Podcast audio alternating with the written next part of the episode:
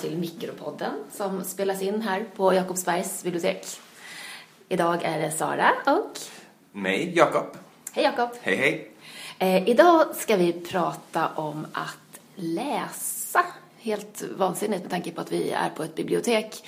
Eh, Jakob, läser du fort eller läser du långsamt?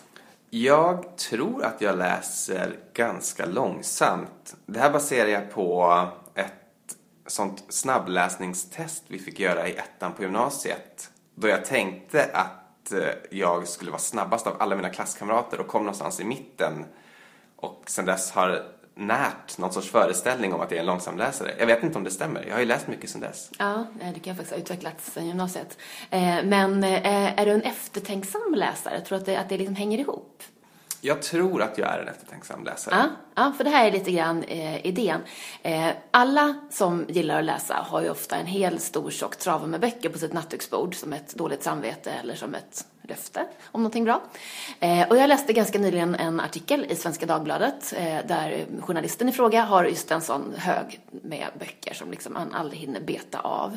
Eh, och han får då nys om en kurs i snabbläsning. Och det är då en man som heter Howard eh, Steven Berg, han är amerikanare, eh, och han är världsmästare på att läsa snabbast. Och han erbjuder då kurser som handlar om att man då kan eh, öka sin läshastighet med upp till 400-500 procent. Och han menar då att om man går hans kurs så kan man läsa Da Vinci-koden, varför man nu skulle vilja göra det, på två och en halv timme. Alltså om man ska läsa Da Vinci-koden så tycker jag att det är en rimlig tid att avsätta åt den. Så varför inte? Ja, men precis. Eh, men det jag funderar på och det även journalisten i artikeln funderar på är om det går någonting förlorat när man läser så här väldigt fort.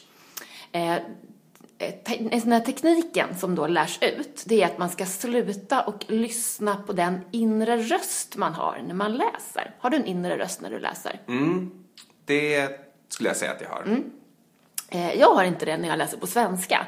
Men däremot när jag läser på engelska, vilket jag inte är lika skicklig på, så har jag liksom som en inre röst som jag, som jag hör när jag läser. Ungefär som att jag läste högt för mig själv i mitt huvud. Och då går det ju helt klart långsammare att läsa. Eh, Han menar att man ska strunta i den här inre rösten och man ska även dra med fingret längs med raden. Så att man, man ökar hastigheten på fingret och så kan man då öka hastigheten på sin läsning. Och så går det även till i de här träningsprogrammen, att man, man väljer en läshastighet. Och sen är det då som en, en markör som man ska följa. Ehm, och det är klart, det, det går ju att, att avkoda orden mm. ganska fort. Det kan jag tänka mig att det går. Det låter ganska intressant. Jag blir ändå sugen att, att pröva. Han kanske har något webbseminarium på Youtube eller så man kan eh, kolla upp. Det har han med all säkerhet. Eh, journalisten i den här då, artikeln som jag har läst, han tar kontakt med docent Kenneth Holmqvist som är för någon slags föreståndare på Lunds universitet för ögonrörelsemätning. Och han menar att den här snabbläsningsdriven då skulle vara ett rent bondfångeri.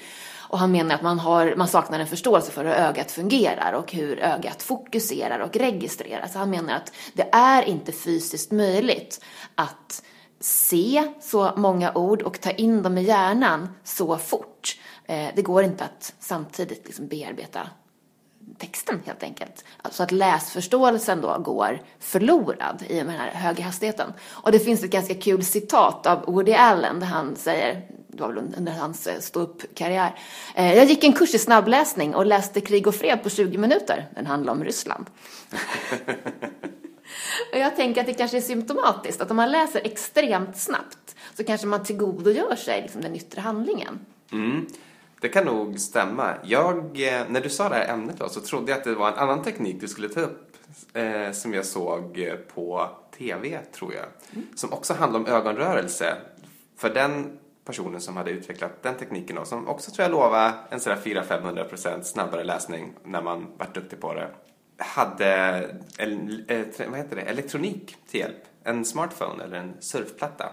För han hävdade också att ögat bara kan röra sig i en viss hastighet och att det blir så omständigt att skaka hela huvudet i ett enda evigt nej, nej, nej när man läser en bok, vilket då man kanske skulle kunna göra fortare. Så han hade utvecklat en teknik där orden kommer upp en och en på en skärm helt enkelt. Så att man ser aldrig mer än ett ord i taget.